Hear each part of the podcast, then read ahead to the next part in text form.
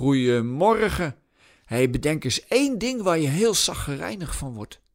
En bedenk dan eens twee dingen waar je heel blij van wordt. En, en wat is nou moeilijker? want klagen zit wel een beetje in ons bloed. Maar Paulus die roept ons op om ons altijd te verheugen in de Heer. Dat is nogal wat, hè? Altijd blij zijn, kom nou toch. Om dit een beetje te begrijpen, moeten we ons even realiseren dat wij in een tijd leven waarin gevoel superbelangrijk is. Dat is natuurlijk altijd heel belangrijk, maar het lijkt wel eens of mensen eerst het geloof moeten voelen voordat ze geloven dat het waar is. Zo van, je moet er een fijn gevoel van krijgen.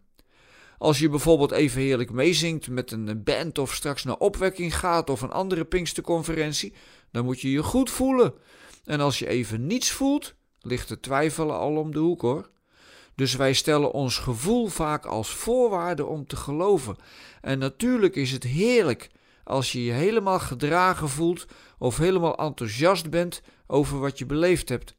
Maar het is wel een beetje lastig, want er hoeft soms maar dit te gebeuren en je bent dat hele gevoel kwijt. Net als de vrienden van Jezus. Ze hadden dat geweldige wonder meegemaakt. Dat Jezus al die mensen te eten gaf. Nou, dan kun je toch even vooruit, zou je zeggen. Maar ze stappen in de boot om het meer op te varen. En er steekt een storm op. En weg is al het gezegende gevoel. Ze raken zelfs in paniek. Dus als je op je gevoel je geloof moet bouwen. Nou, dan wordt het wel heel lastig hoor. Maar weet je wat zo interessant is? Blijdschap, vreugde in de Bijbel is eigenlijk helemaal geen gevoel. Want stel dat de schrijver van dit stukje op zijn gevoel was afgegaan, dan was hij me toch zaggerijnig geweest. Want Paulus schrijft deze brief als hij in de gevangenis zit en zelfs in levensgevaar verkeert. Blijkbaar kun je zelfs blij zijn als de omstandigheden er niet naar zijn. Gek hè? Dan moet de blijdschap waar Paulus het over heeft toch wel iets anders zijn dan je zomaar lekker goed voelen omdat je iets leuks hebt meegemaakt.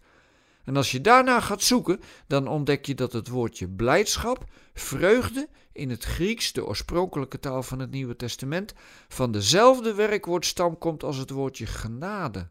Maar wacht even, dan betekent blijdschap iets heel anders. De blijdschap waar Paulus het over heeft, is die diepe overtuiging dat wat er ook in je leven gebeurt, God je niet loslaat. En als God je niet loslaat, moet dat toch op een of andere manier een andere kijk op je leven geven? Wij geloven toch dat er niets is opgewassen tegen de liefde van God? Dat hebben we twee weken terug met Pasen gevierd. De blijdschap van het evangelie is die diepe onderstroom in je leven dat niets je kan scheiden van zijn liefde. En daar kan geen goed of slecht humeur tegenop.